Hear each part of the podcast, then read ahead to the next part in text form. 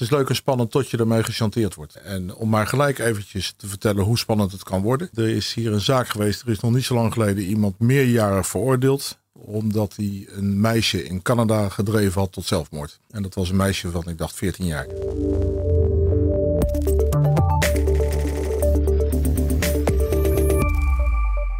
Als je denkt aan de politie, dan denk je misschien aan spectaculaire achtervolgingen en criminelen in de handboeien. Maar er is ook een kant aan de politie die je minder ziet. Die van techneuten, IT'ers en data-analisten. Hallo, mijn naam is Randal Pelen en in de vorige aflevering hebben we het gehad over data science. In deze aflevering gaan we het hebben over cybercrime. En dat doen we met Jaap van Os, Harm Beukenholt en uh, Martin Steffens. Jaap, zou ik bij jou mogen beginnen? Zou jij jezelf voor kunnen stellen en uh, wat doe jij voor de digitale politie? Uh, jazeker, ik ben Jaap van Os. Ik werk eigenlijk al sinds 1996 bij de politie. Ook Mhm. heel veel digitale projecten gedaan. Maar nu werk ik als uh, operationeel specialist, zoals dat heet, bij het uh, Team High-Tech Crime. En ik houd me onder meer bezig bij, met ransomware. En dan specifiek nog het project nomoreransom.org. Klinkt als een interessant project en dat spreekt behoorlijk tot de verbeelding. Harm, wat is jouw rol bij de politie? Ja, ik ben Harm Beukenholt. Ik werk iets langer als jaar bij de politie, vanaf 1977. Uh, het grootste deel van die periode heb ik in de opsporing gewerkt. En nu ben ik werkzaam als projectleider binnen het programma Digitalisering en Cybercrime. En houd ik me daar bezig met de inzet van politievrijwilligers bij de aanpak van cybercrime. Oké. Als laatste hebben we Martin Steffens aan tafel. Martin, uh, hoe zou jij jezelf voorstellen?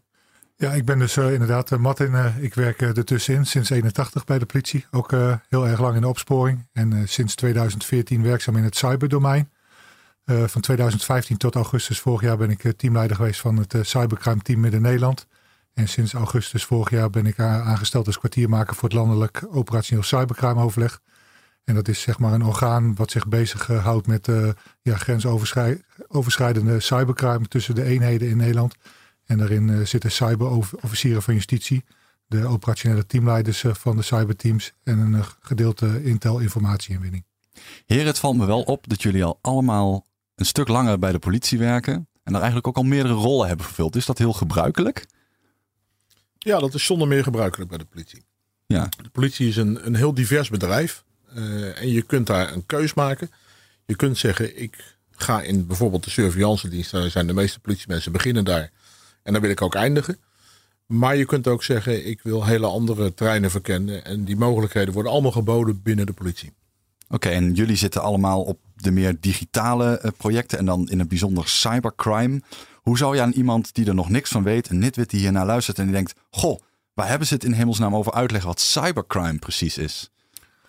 Ja, cybercrime ja, wordt door heel veel mensen wordt dat uh, af en toe wel door elkaar gehaald. Uh, wij praten in uh, cybercrime in enge zin. En dat, dat is voor ons eigenlijk de core business. En cybercrime in enge zin wil zeggen dat je met een ICT-middel een ICT-doelwit aanvalt. Is er ook een cybercrime in positieve zin? In positieve zin? Uh, hoe bedoel je dat? Nou, jij zegt in enge zin, dus uh, cybercrime, is dat altijd eng of is dat ook wel eens positief? Nou, eng is zeg maar in, in nauwe zin, dus een ander woord als, uh, als positief. En je hebt, aan de andere kant heb je gedigitaliseerde criminaliteit. Uh-huh. En nog eventjes om het te verduidelijken, cybercrime in enge zin is bijvoorbeeld een DDoS-aanval. Dan gebruik je een computer om een andere computer met behulp van programma's aan te vallen. Op die manier. En als je praat over gedigitaliseerde criminaliteit, ja, dat, dat, dat kan uh, zeg maar met een digitaal middel en uh, bijvoorbeeld een bedreiging. dat zien we dan nog wel. Dat gebeurt dan via de computer, dat, dat die e-mail wordt verzonden. En ja, daar zit verder eigenlijk niks digitaals of geen cybercrime aan, maar dat, dat wordt dan gedigitaliseerde criminaliteit genoemd. Je merkt het nu al eigenlijk, hè, dat die vaktermen je om de oren vliegen en dat dat best verwarrend kan zijn. Maar je was aan het uitleggen wat cybercrime in zijn algemeen nog meer zou kunnen betekenen. Echt alles wat met de computer te maken heeft? Nou, wat ik net uitlegde, wij proberen voornamelijk enge zin uh, als, als cybercrime teams uit te, uit te voeren. Uiteraard uh, de gedigitaliseerde, gedigitaliseerde criminaliteit, moeilijk woord. Mm-hmm. Uh, ja, dat, dat zou iedere diender eigenlijk moeten, moeten kunnen. Alleen ja, in de praktijk is de scheidslijn tussen cybercrime enge zin en gedigitaliseerde criminaliteit is voor ons af en toe ook wel lastig uit te leggen. Dus ja, we proberen het zoveel mogelijk aan te pakken. En ja, er zijn genoeg onderwerpen om uh, daarmee aan de gang te gaan. Dat zeker. Harm en uh, Jaap, kunnen jullie je vinden in die uitleg? Of denk je daar is nog aanvulling mogelijk? Nee, ik denk dat het uh, behoorlijk verwoord is op deze manier. Dus ik zou eigenlijk onderscheid moeten maken tussen cybercrime, waarbij alleen computers onderling met elkaar in gevecht zijn, en daar waar het ook de echte wereld raakt. Kunnen jullie voorbeelden noemen van, van dat laatste geval? Nou, ik denk dat als je kijkt naar de DDoS-aanvallen, die eigenlijk sinds uh, vorig jaar januari regelmatig weer de kop opsteken. Daarbij worden uh, banken en andere uh, sites aangevallen en probeert men om die banken plat te leggen. Nou, we weten, DDoS is een hot item. En dat is een heel duidelijke vorm van cybercrime in enge zin. die vorm van criminaliteit die bestond nog niet voordat er computers en computernetwerken waren. En eigenlijk ook niet voordat we zo afhankelijk waren van die netwerken. Ja, want we hebben nu al gepraat over DDoS en ransomware. Wat zijn nog meer bij uitstek aanvallen die je kunt verwachten op het internet, die tot de verbeelding kunnen spreken? Nou, uh, ransomware spreekt natuurlijk tot de verbeelding, is een soort van malware en spreekt tot de verbeelding, omdat het, hè, het kan ons overkomen dat je data um, gecrypt wordt en dat je er niet meer bij komt. Dus eigenlijk gijzelsoftware. Gijzelsoftware. Ja, gijzelsoftware. Maar de, uh, malware wordt ook gebruikt om te proberen om je internetbankieren uh, aan te vallen. Daarbij wordt malware uh, op jouw computer geplaatst en overgenomen. En op het moment dat je dan gaat interbankieren, wordt dat gecompromitteerd. En dat is denk ik ook een, een vorm van cybercrime die ons allen aangaat. En die dan toch net weer een ander aspect uh, raakt. Dus er zijn meerdere manieren waarop ransomware eigenlijk schade aan kan richten. De ene manier is om te zeggen, joh, we hebben al je gegevens buitgemaakt, betaal maar om het terug te krijgen. De andere manier is zeggen, joh, we gaan jouw uh, bankgegevens buitmaken en op die manier geld afhandig maken. Ja, ik, ik, denk dat je het net andersom moet zien. Er zijn verschillende manieren waarop malware, malicious software, mm -hmm. uh, je kan raken. En één daarvan is ransomware.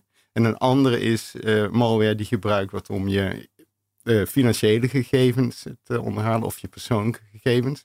Dus malware is de onderliggende uh, criminaliteitsvorm. En de ransomware is een van de uitingen van die vorm. Juist, want als het over financiële data gaat, dan denk ik gelijk aan phishing. Ja, um, oké. Okay. ja, ja, nee, dat klopt. Daar heb, je, daar heb je gelijk in. Phishing is op dit moment gewoon een, een groot probleem die we het tal van varianten voorbij zien komen. Op dit moment zijn de betaallink of de betaalverzoekfraude en de WhatsApp of Weling-fraude zijn erg hot. En helaas heel, veel, heel veel slachtoffers op dit moment binnen Nederland van mensen die ja, te goede trouw denken iets te kunnen kopen op een, bij een webshop of bij een marktplaats. En daar vervolgens worden, worden opgelicht door, door phishing mails of door phishing oplichtingstrucken. Zijn er wellicht interessante nieuwe uh, ontwikkelingen waar je denkt, daar moet je in het bijzonder op letten? Want ik heb mijn oma recent uitgelegd dat je niet zomaar op linkjes moet klikken die je in de e-mail krijgt. Nee, dat, dat klopt. Uh, uh, in principe raden wij af om zomaar blind op een, of op een link te klikken. zeker van, van onbekenden. op het moment dat jij bijvoorbeeld een verzoek krijgt om geld over te maken en jou wordt een een linkje aangeboden. En dat, dat zien we vooral veel bij, bij de 1 cent eh, fraude, de betalingfraude. Dat mensen ter, eh, ter vertrouwen of ter verificatie een, een bedrag van 1 of 2 cent over te maken wordt 1 aangeboden. 1 cent fraude. Die ja. is nieuw. Die heb ik nog niet eerder gehoord. Uh, het, het, heet dan zeg maar de betaalverzoekfraude. Je, uh, je gaat met iemand, ga je een koop of een verkoop ga je aan. En diegene die, zeg maar de, de crimineel, die gaat jou een vertrouwen vragen om 1 cent of 2 cent over te maken zodat je kan aantonen dat je te vertrouwen bent. Nou, die, uh, die link wordt dan naar jou toegestuurd.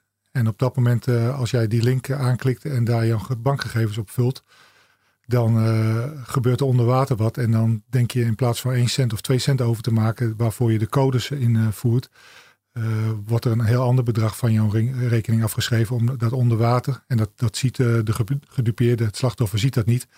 Uh, die 2 cent wordt dan veranderd in een veel groter bedrag van uh, honderden euro's. En uh, helaas zien gedupeerden dat vaak achteraf bij, bij een bankafschrift dat er in plaats van 1 cent of 2 cent honderden euro's met, de, met dezelfde rekening verzoeken zijn, zijn afgeschreven. Gaat snel. En dat is ook heel pijnlijk lijkt me. Is, als dat geld één keer is krijg je dat dan ooit nog terug? Of is het echt een vergissing die niet meer om te keren is? Nou, in principe van, van de, de criminelen krijg je het geld niet terug. Uh, hmm. Banken willen nog wel uh, coulant uh, zijn, zeker als er sprake is van, van phishing, mm -hmm. om, dat, om dat te vergoeden. Alleen daar gaat men ook steeds vaker vanuit, ja, je mag tegenwoordig als burger mag je toch wel weten van dat, dat je niet zomaar blind op een link kan klinken, klikken en daar geld over maakt. Dus ja, banken doen het nog wel, maar er zal een tijd komen dat de banken zeggen van ja, u had zelf beter moeten opletten. Nou, nu is uh, DDoS er voorbij gekomen, ransomware, phishing. Zijn er nog andere zaken waar we aan kunnen denken als het gaat om online criminaliteit, cybercrime? Nou, je zou kunnen denken aan die grote databreaches waarbij groeperingen um, databases leeghalen en bewust publiceren op het. Uh, of zoals mijn moeder het zou zeggen, dat je cloud wordt gehackt. Bijvoorbeeld. Ja. Dus, uh, en dat is dan niet zo. Ja, kijk, daar is dan eh, het element is dat er een groepering of een individu ergens eh, een database hackt. En dat is dan de criminaliteit. Vervolgens gevoelige data buitmaakt en die weer publiceert op het internet. Voor naming of shaming of voor een mhm. ander doel. En uh, dat, dat is ook een vorm van uh, cybercrime. Of vervelende foto's die opeens online te vinden nou, zijn. Maar dan zie je dat dus de uiting is wel um, uh, redelijk. Um, de, de uiting is dan heel erg duidelijk. En uh, je zegt dan niet meteen dat is cybercrime, maar wat eronder ligt is wel degelijk een technische vorm van uh, aanvallen. Mm -hmm. ja. Wat doet de politie aan al dit soort aanvallen? Hoe pakken jullie dit aan? Allereerst zal er aangifte moeten worden gedaan door, door het slachtoffer. Anders kunnen jullie niet aan de bak. Nou, wij zullen op, op wat voor manier dan ook natuurlijk meldingen moeten krijgen dat, dat, dat er een strafbaar feit heeft plaatsgevonden. En op het moment dat, dat er aangifte wordt gedaan of er wordt meldingen gedaan, dan komen die aangiftes, als het goed is, komen die bij de cyberteams die in Nederland draaien, komen die terecht. Ja, en daar wordt, wordt gekeken of er voldoende onderzoeksmogelijkheden zijn met betrekking tot een aangifte. En vaak uh, zien we zeker met, met uh, de betaallinkfraude die ik net noemde en, en, de WhatsApp-fraude die ik noemde. Van ja, één aangifte is vaak, vaak lastig. vaak proberen we toch meerdere aangiftes aan elkaar te koppelen door overeenkomsten te zoeken. Zodat, ja, zodat er meer informatie vrijkomt omtrent de groepering of de daden die daarachter zitten.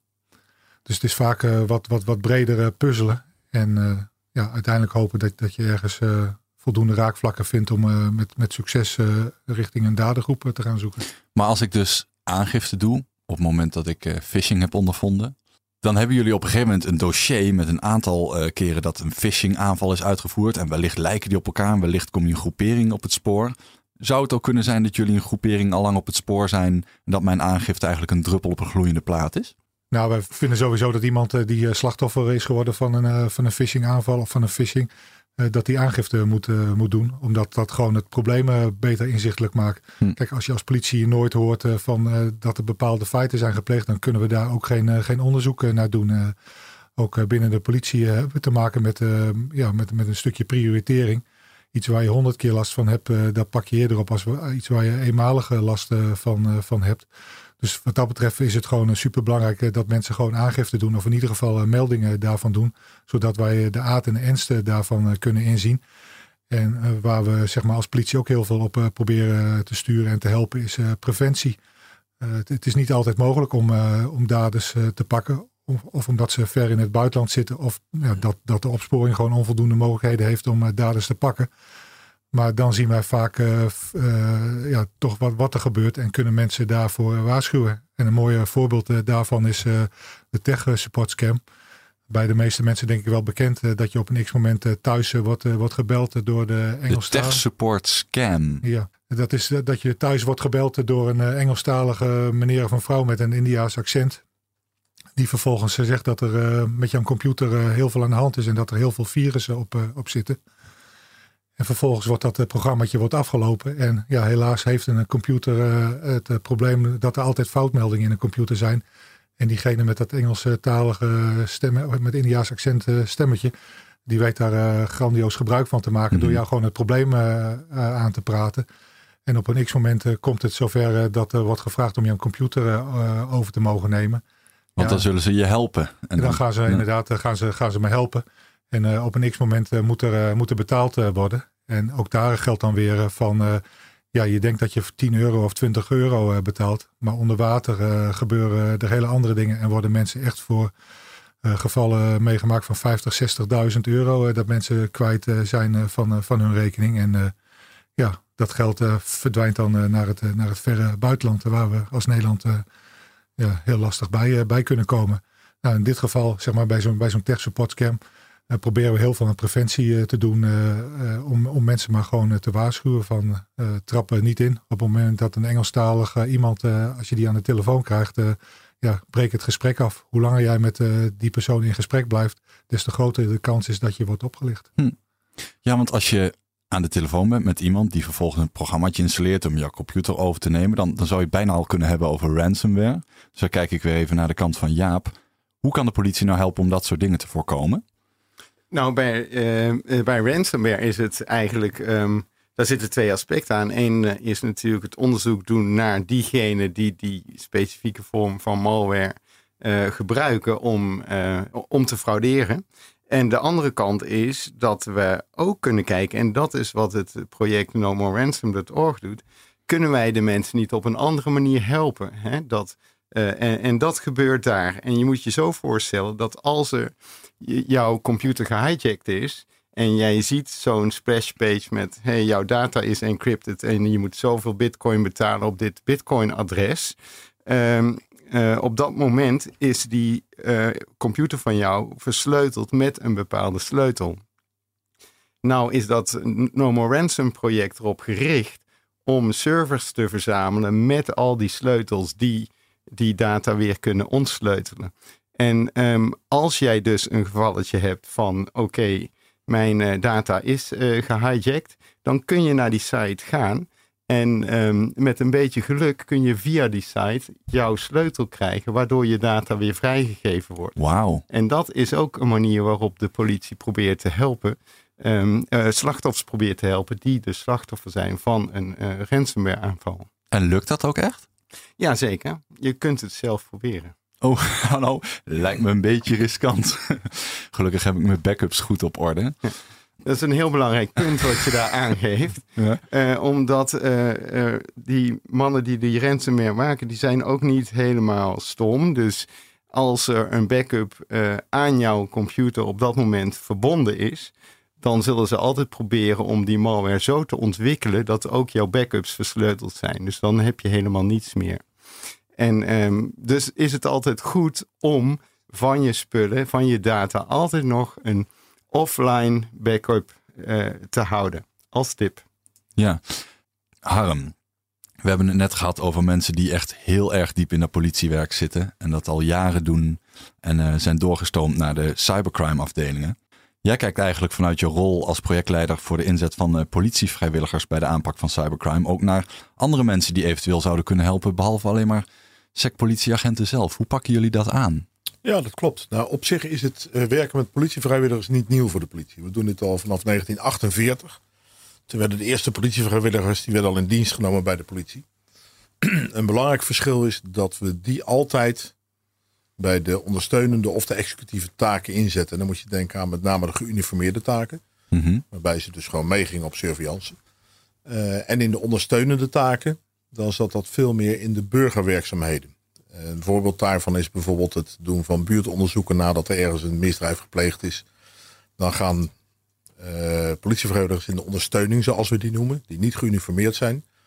Die gaan gewoon huis aan huis langs om daar te vragen of mensen verdachte zaken gezien hebben. Wat nu nieuw is, dat is dat waar we in het verleden vrijwilligers inzetten bij de politietaken, vonden we de reguliere achtergrond die die mensen hadden, de opleiding of het beroep, vonden we eigenlijk totaal niet interessant. Ze moesten voldoen aan de eisen die we stelden aan politiewerk. En wat ze in de vrije tijd verwerkt deden, dat was eigenlijk niet relevant. Wat we nu willen, dat is een omkeren. En mensen met een hele relevante achtergrond, en dan moet je denken aan mensen die met name op het IT-gebied geschoold zijn, die willen we omvormen naar digitale regisseurs.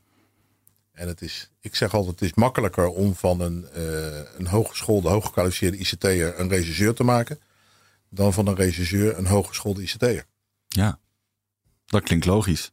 En hoe pak je dat aan? Hoe vind je die mensen? Het mooie is dat die mensen zich spontaan aanbieden. En we zijn met het initiatief begonnen door gebruik te maken van mensen die al als politievrijwilliger werkzaam waren bij de politie.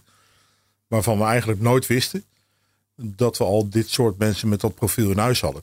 En we hebben nu anderhalf jaar geleden hebben we daar eens een inventarisatie onder gedaan. En gevraagd van wat is nou jullie reguliere achtergrond en in hoeverre kan die relevant zijn voor de aanpak van cybercrime. En toen bleek dat er al meer dan 250 mensen bij ons in dienst waren als vrijwilliger. Die een relevante achtergrond hadden. En dat varieerde van certified ethical hackers tot uh, programmeurs. Nou, bedenk het maar. En die mensen die waren al in dienst. En die zijn we als experiment in gaan zetten. We hebben tien van die mensen hebben opgeleid als dark web surveillant, zoals we dat genoemd hebben. En die mensen die zijn in december gestart met een tweedaagse opleiding die zich specifiek richtte op hoe surveilleer je nou op het dark web. En die ondersteunen nu het dark web team bij de politie in het doen van surveillance op het dark web. Dat is bijna undercover werk te noemen. Uh, ik ben blij dat je dat zegt, want dat is precies niet de bedoeling. Oké. Want undercover werk dat vraagt echt een hele specifieke opleiding. Dat vraagt ook het werken langs hele specifieke richtlijnen. En dit is veel meer dat mensen op bepaalde fenomenen gaan kijken. Bijvoorbeeld er worden drugs aangeboden op het dark web. Welke sites kun je niet vinden waar die drugs op aangeboden worden? Uh, kun je indicaties vinden dat het vanuit Nederland aangeboden wordt? Maar het is dus absoluut niet het je in een valse hoedanigheid op dat internet begeven. Dat is echt een, iets wat we wel doen als politie maar zeker niet in de hoedanigheid van vrijwilligers. Je geeft net aan dat je eigenlijk uh, een onderscheid kunt maken bij de vrijwilligers tussen uh, vrijwilligers in uniform en uh, ongeuniformeerde medewerkers. Formeel noemen wij ze politievrijwilligers in de ondersteuning. In de en ondersteuning. Politievrijwilligers in de uitvoering. Exact. En zou je kunnen duiden wat het grote onderscheid is tussen die mensen? Want ik denk dat niet iedereen weet dat politie die vrijwilligerswerk doet ook nog wel eens in uniform rond kan lopen. Ik denk dat het belangrijkste onderscheid is uh, niet alleen dat uniform, daar kun je aan herkennen dat het politiemensen in de uitvoering zijn. Het belangrijkste onderscheid is het hebben van opsporingsbevoegdheid. Oké. En om opsporingsbevoegdheid te verkrijgen, heb je een vorm van opleiding nodig. Uh, bij de politie was het in het verleden zo dat als je als politievrijwilliger geuniformeerde taken wilde doen, dan was dat een opleiding van drie jaar in deeltijd. Een behoorlijke intensieve belasting. Uh, inmiddels is dat teruggebracht naar één jaar. Maar nog, het is een behoorlijke investering als je dat werk wil doen.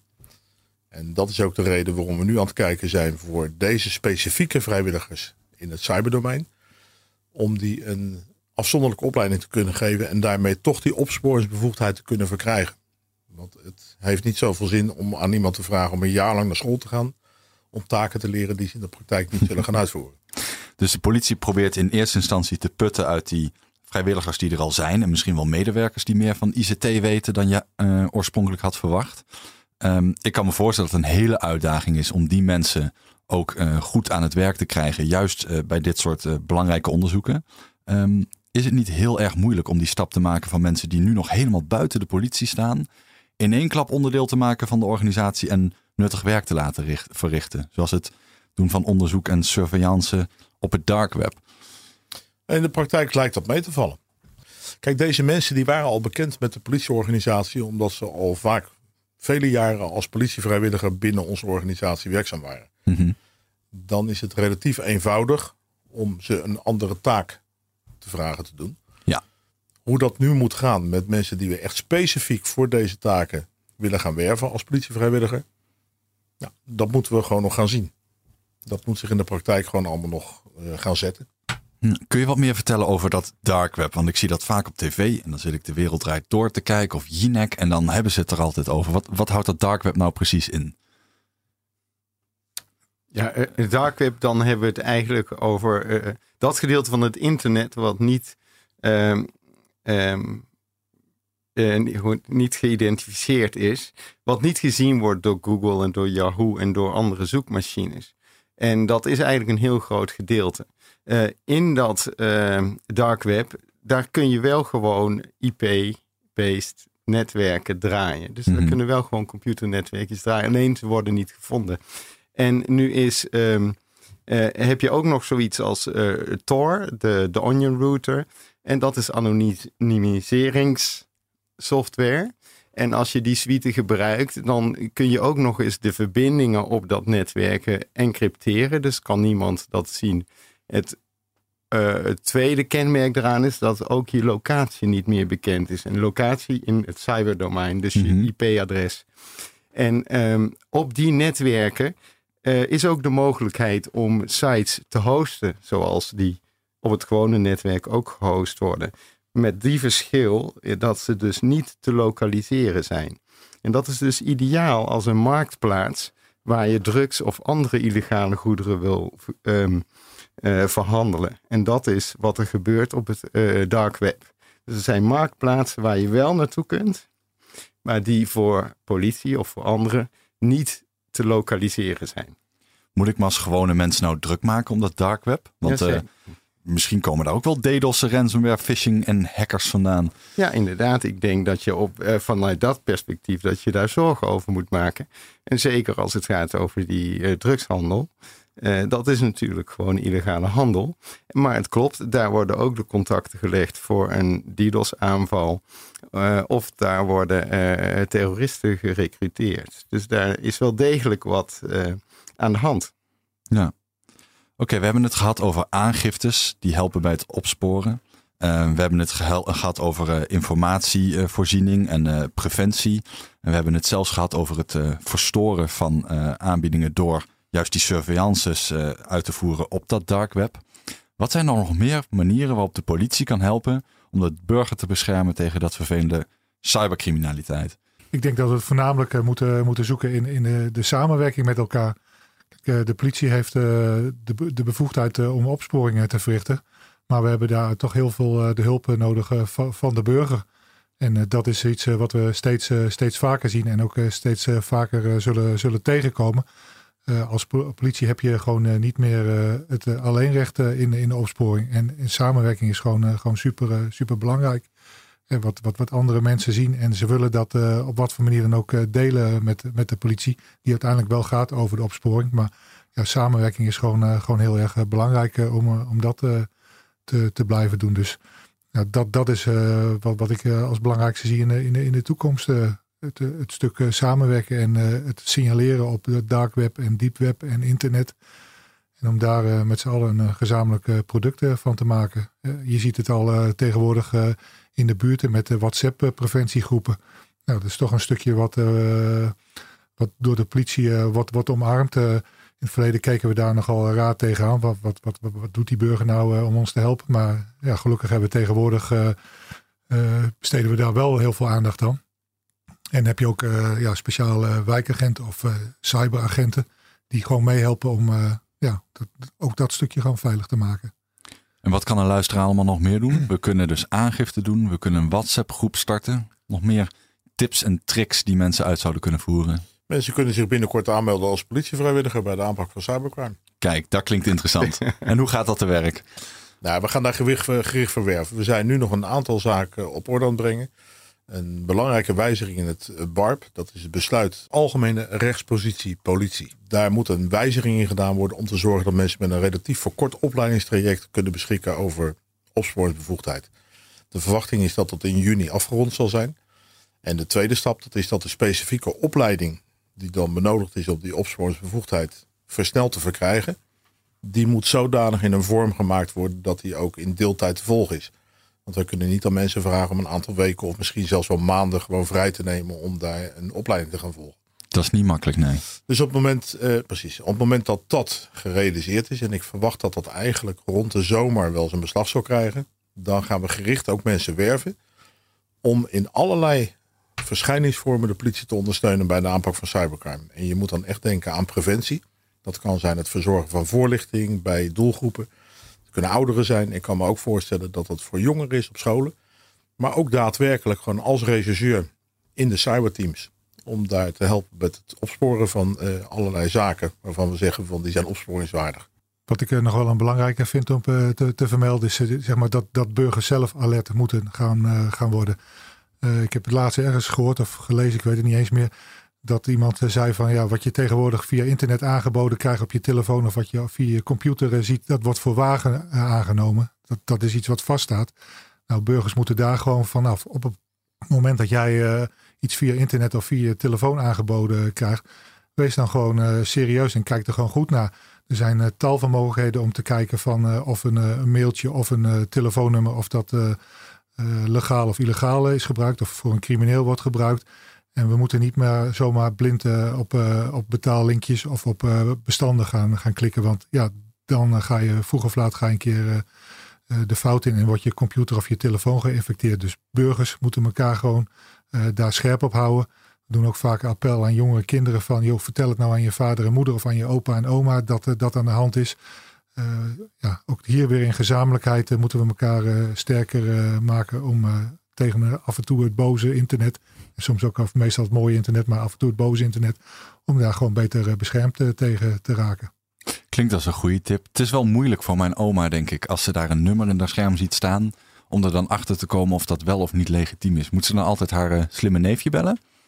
Nou, als ze het niet vertrouwt, uh, zou ik dat uh, zeer zeker doen. En gelukkig hebben we tegenwoordig ook slimme opa's en oma's die ook weten wat, wat, Google, wat Google inhoudt. En ja, zoek, gewoon op Google. Tik gewoon of, of, het nummer wat je krijgt, tik dat gewoon na in Google en zoek daarop. op. Of er zijn tal van parapolitie.nl, de fraudehelpdesk, veilig internet, tros opgelicht. er zijn tal van sites te, te vinden waar je gewoon heel veel informatie vandaan kan halen of iets vertrouwd is. En als je die slag al weet, eh, weet te maken, dan denk ik dat je voor 75, 80 procent al eh, beschermd bent eh, tegen de meeste veel voorkomende fraudegevallen in Nederland. Ja, als het gaat om mensen die handig zijn op internet en daar eigenlijk qua jongensstreken meer willen uithalen, dan denk ik al snel aan jongeren, tieners die bij hun ouders op de zolderkamer bezig zijn. Hebben jullie extra aandacht voor jongeren? Uh, jazeker, wij extra, en ook nog voor een specifieke doelgroep van jongeren. En dat zijn die uh, tieners die handig zijn met computer, maar daar gewoon strafbare feiten mee plegen. En dan moet je denken aan bijvoorbeeld uh, het dossen van een bepaald bedrijf of website. Dat is gewoon verboden. DDoS, platleggen van de site. Platleggen van die site. En dat gebeurt regelmatig. En die jongens zijn dus, of die jongens en meiden zijn natuurlijk wel gewoon handig met computers.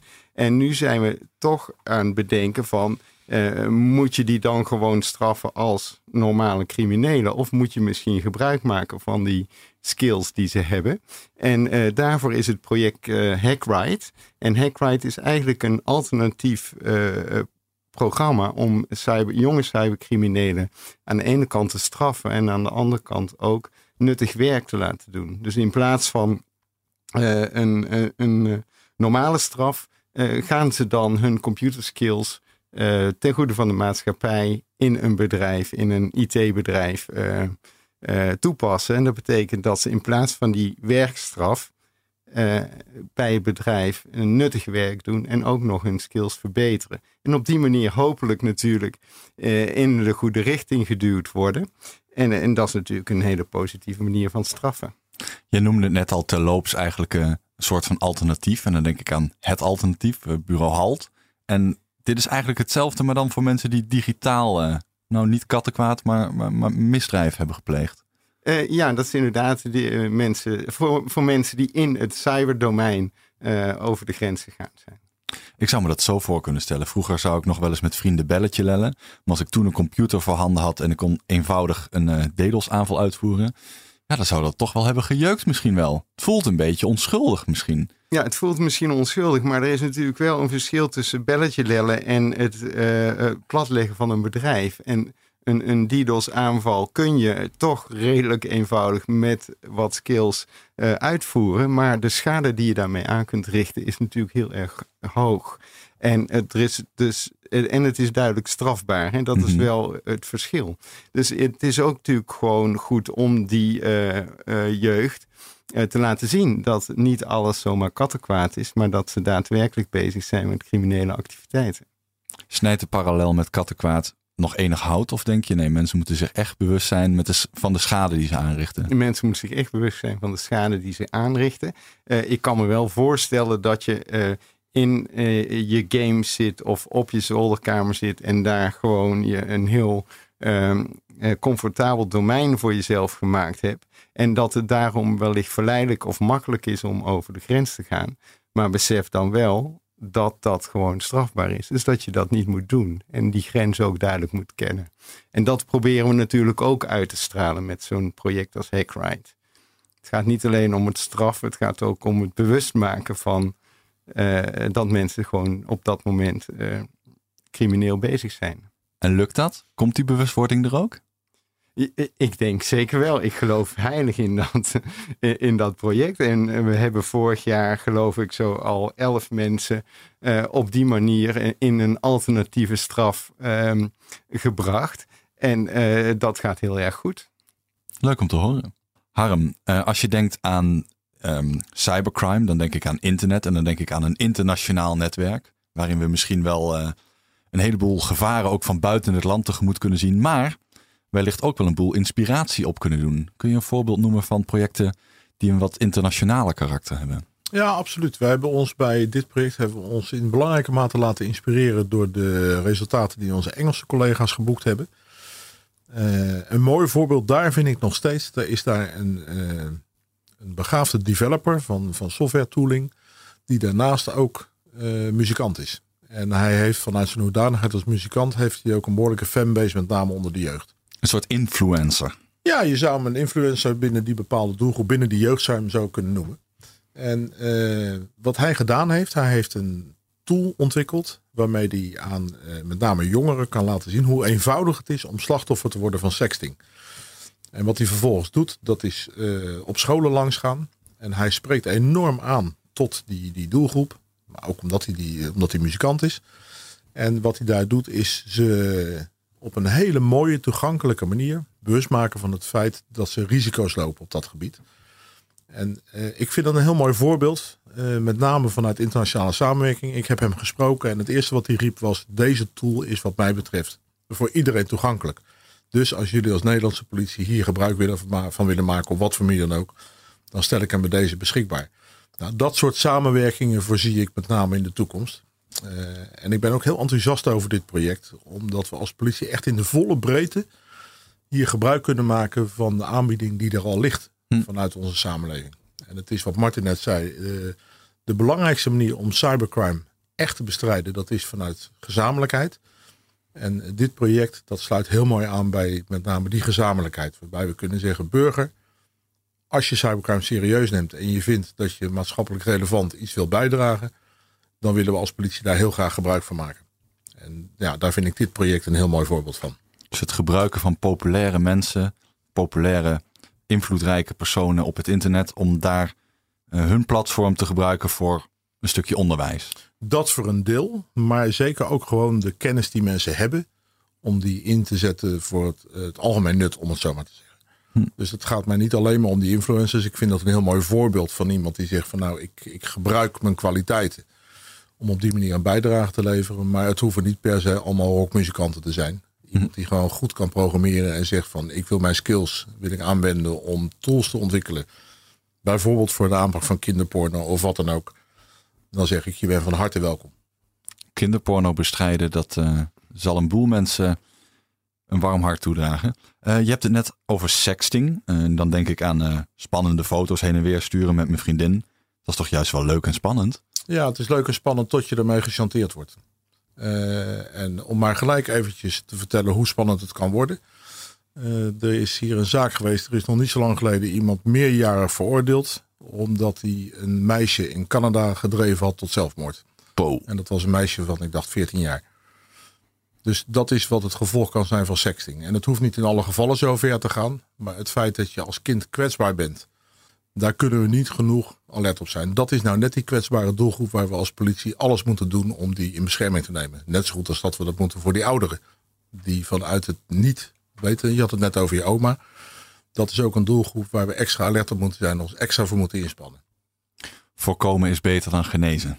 Absoluut. Martin, uh, we hebben het net even kort gehad over het fenomeen dat mensen soms op hun smartphone en internet heel veilig wanen en het gevoel hebben dat alles wat ze daar lezen wel te vertrouwen zou kunnen zijn.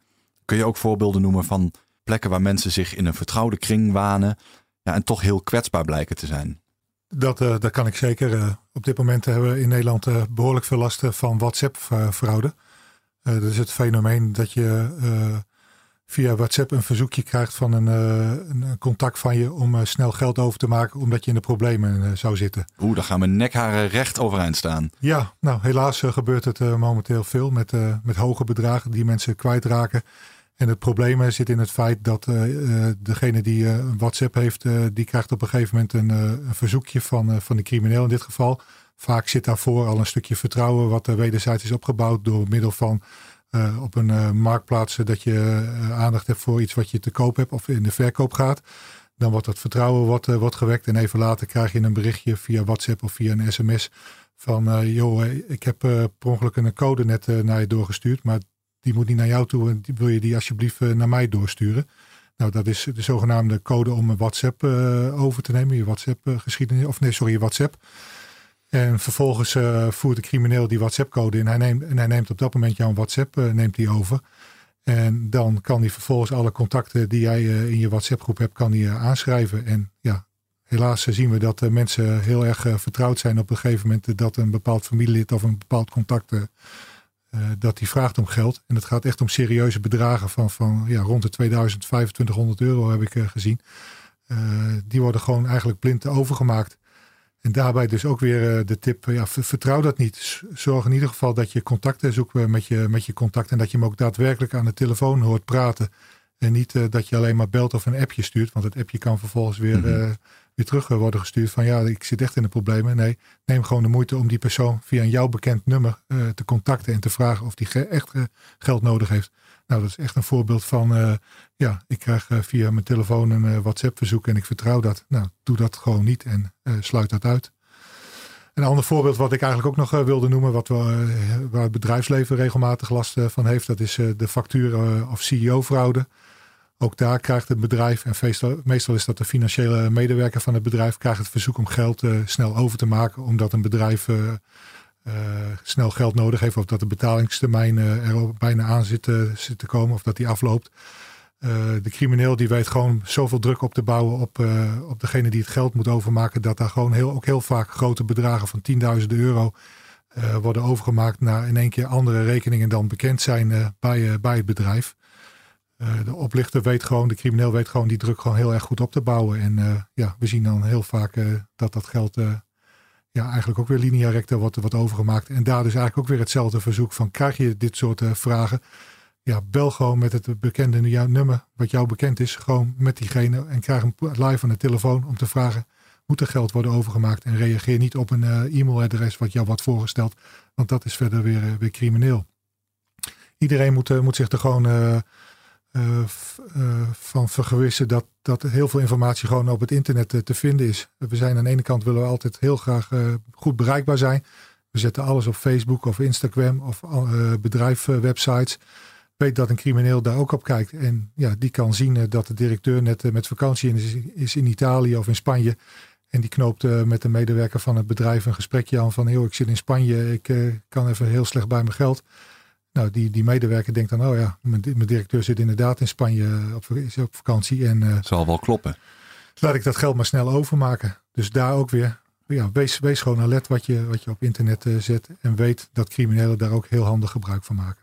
Je geeft de voorbeelden dat uh, WhatsApp-fraude aan de gang is. Dat is eigenlijk het jagen op meerdere relatief kleinere bedragen, maar ook CEO-fraude. Dus een hele grote vis proberen binnen te hengelen als crimineel. Um, het getuigt eigenlijk ook wel van ongekend vernuft en heel veel creativiteit. Is het niet gewoon voor altijd ook een beetje een kat-en-muisspel? Ja, dat, dat, dat is het altijd al geweest. We hebben, vroeger hadden we de scharensliepen die uh, langs de deur kwamen en mensen oplichten. En tegenwoordig uh, is, uh, zijn, zijn zeg maar de, de, de digitale varianten. En het enige nadeel voor, voor de burgers is, vroeger was het uh, iemand uit, uit de plaats of uit Nederland. En tegenwoordig geeft iemand een computer en een internetverbinding. En het gaat de hele wereld over. En mensen in Nederland spreken gewoon goed Engelse taal. dus, dus ja, de, de wereld is gewoon veel groter geworden om, om internetcriminaliteit te, te plegen. En ja, Nederland is gewoon een rijk land en daar hebben we echt veel, veel last van een belangrijke rol weggelegd voor de politie dus. Absoluut. Hm. Jaap van Os, Harm Beukenholt, Martin Steffens, hartelijk dank voor jullie verhaal en jullie komst naar de studio. Uh, waar kunnen mensen meer te weten komen over de politie en zeker de afdeling cybercrime? Nou, in ieder geval via de site uh, politie.nl. Kom bij de politie.nl. Dat zijn uh, de, de gebruikelijke sites waar, waar dit soort informatie te vinden valt. En ik weet niet, Harm, heb jij nog andere Nee, ook wij zullen de, de werving starten via die sites. Dus dat, is, eh, dat zijn met name de sites die de mensen in de gaten moeten houden als ze geïnteresseerd zijn. Ja, en mochten ze slachtoffer zijn van uh, ransomware, nomoransom.org. En in ieder geval aangifte doen. Zeker weten.